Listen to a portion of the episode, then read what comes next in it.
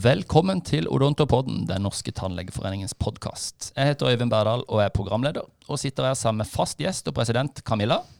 Hallo. Hallo, og visepresident Heming Olsen Bergem. Hallo. Velkommen til dere begge. Ja, hvordan står det til? Det står bra til. Vi er samla i Oslo igjen, eh, og det er veldig, veldig hyggelig. Eh, endelig så ser man litt mennesker. Det er deilig. Det er deilig å se litt folk. Det kan bli mye Teams, Zoom, eh, Pexip, eh, whatnot. Ja, vi har klart det uten å bli deprimert, men, eh, men det er jo en, det er, det er bedre, det er enklere å diskutere litt større ting og detaljer når man sitter ansikt til ansikt. Ja, helt klart. Og apropos større ting og detaljer. Sist som dere begge var gjester, så snakka vi om retningslinjene for tannhelsetjenesten fra Helsedirektoratet. Og det er faktisk tema også i dag, for nå har direktoratet oppdatert de. Tema for dagens episode er Helsedirektoratets oppdaterte retningslinjer til tannhelsetjenesten. Ja, dere. I dag har vi lagt ut en nyhetssak om at retningslinjene fra Helsedirektoratet er oppdatert. Kan ikke du fortelle litt, Camilla, om hva som har skjedd? Ja, eh, de eh, anbefalingene fra Helsedirektoratet eh, som ble lagt ut når vi skulle ha den forsiktige oppstarten fra 20.4, de endret, ble endra seint i går kveld, så vi har sendt ut en nyhetssak i dag. Og Bakgrunnen for endringen er at det har blitt bestemt at Folkehelseinstituttet skal være den som har ansvar for smittevernråd til hele helsetjenesten, også tannhelsetjenesten. Og Det betyr at uh, i Helsedirektoratets anbefalinger nå så sier de ingenting om bruk av smittevernutstyr og sånn, men de henviser til Folkehelseinstituttets sider. Uh, og det er jo Uh, altså, det gjør det jo enklere å, å, å, å følge med. for Vi snakka litt om det sist, at Helsedirektoratets råd uh, skilte seg litt fra, fra um, FHIs anbefalinger. Og det er jo litt forvirrende. Mens nå er det altså FHIs anbefalinger som gjelder. Så det blir litt enklere å forholde seg til, da? Ja, det er hvert fall, alt står i hvert fall på ett sted. Og så kan man jo diskutere om eh, FHIs sider er, er bygd opp eh, av undersider, så det kan være litt vanskelig å orientere seg på sidene. Så jeg anbefaler at man nå eh, leser alle anbefalingene eh, til Helsedirektoratet en gang til. Og at man, eh, at man også går inn på de undersidene til Folkehelseinstituttet for å lese godt om det som står der. Mm. Og så er det jo det er, det er absolutt enklere å forholde seg til én instans da, som uttaler seg, men samtidig så blir det også lettere å kunne påvirke den ene. Så det er jo noe vi jobber med videre fra NTF sin side, i stor grad. da. Ja, for er anbefalingene klokkeklare? det er eh, Ja, de er egentlig det. Men så er det klart at det, at eh, det er jo alltid avveininger. Og det er jo vi som akademikere og tannleger vant til at man gjør eh, vurderinger ut fra den enkelte situasjonen.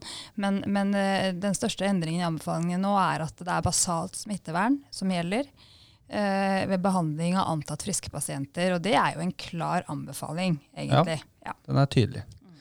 Og så har du jo noen andre som kommer litt lenger ned på siden, som du nevnte. da, At det er eh, hvis det er eh, liksom sprut fra ting, eh, og da ikke fra vannet på boret, men fra pasientens munnhulle så vil, eh, vil, det kunne være aktuelt å bruke frakk også i tillegg. Da.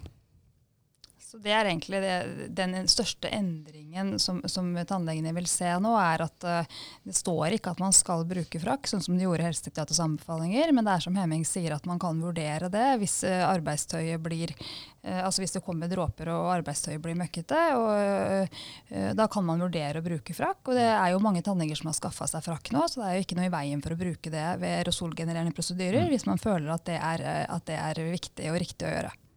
Det er jo nettopp uh, veldig viktig det at, uh, at, at, man brukte frakker, eller at man anbefalte det så tydelig, var jo for å beskytte arbeidstøyet. Det er jo primært det det er.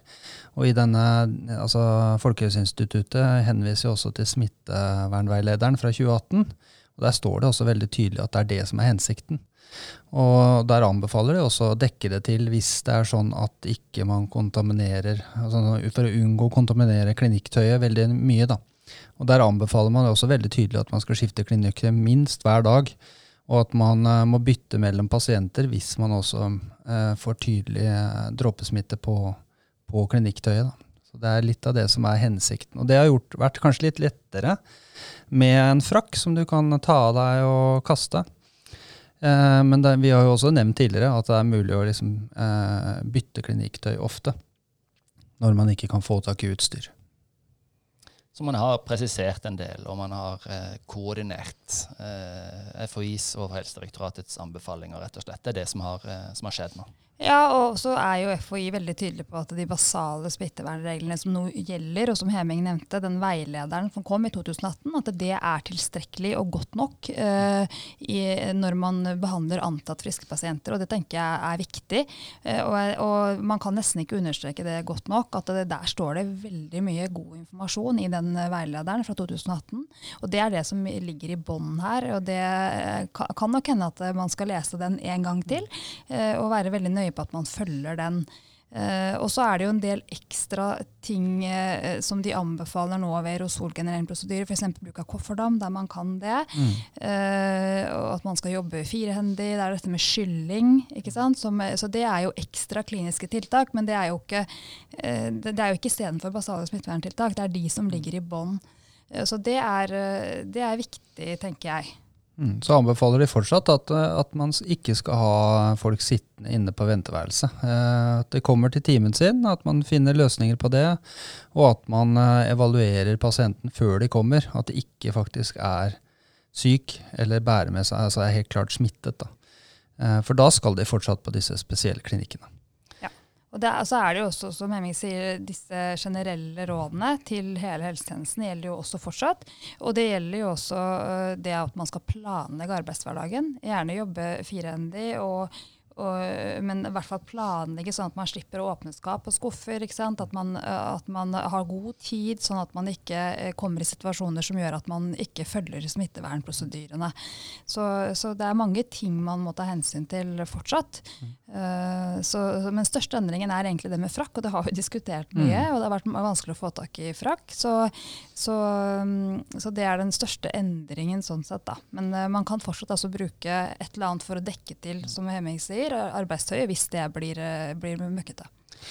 Har NTF eh, vært i dialog med FHI Helsedirektoratet, og har vi noen ønsker om tillegg, eller noe som vi har fått ønsker presisert? Har vi noen endringsforslag?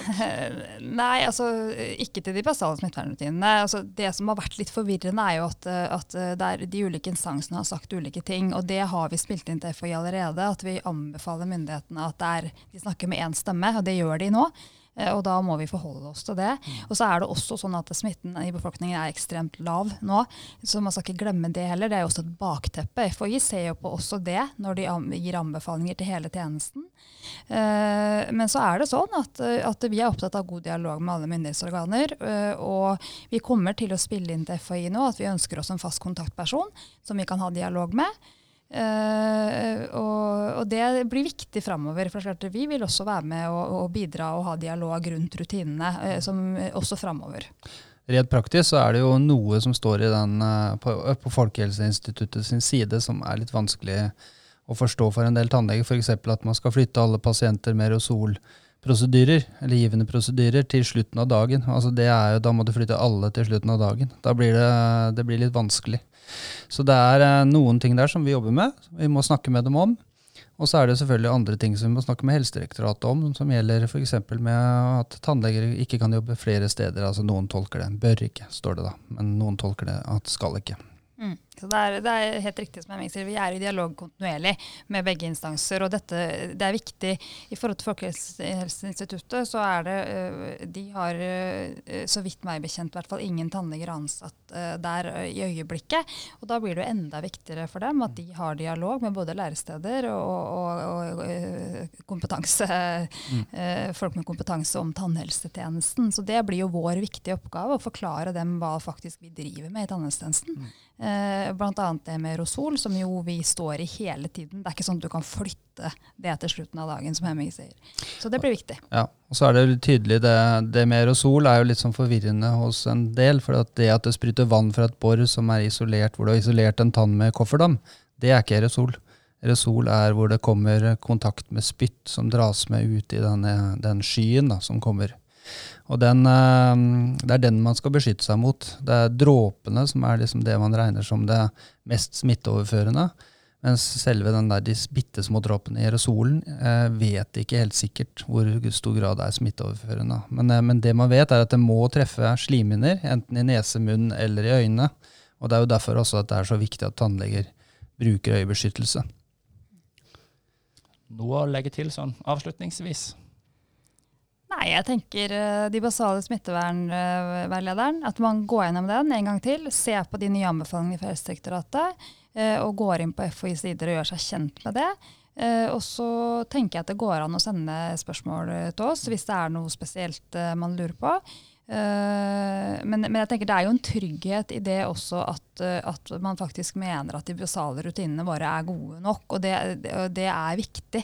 For det betyr at, at det, det, er trygt å gå til tannlegen. Både for pasientene, men også for tannhelsepersonell å behandle pasienter. Og så er det også sånn at de som har nå løpt ut og begynt å sy frakker og sånt, det er fortsatt en god ting å bruke de eh, frakkene som de har lagd selv. For det vil jo beskytte klinikktøyet sitt. Altså Det gjør jo at det blir enklere. Mm. Så bra. Tusen takk for at dere kunne være med.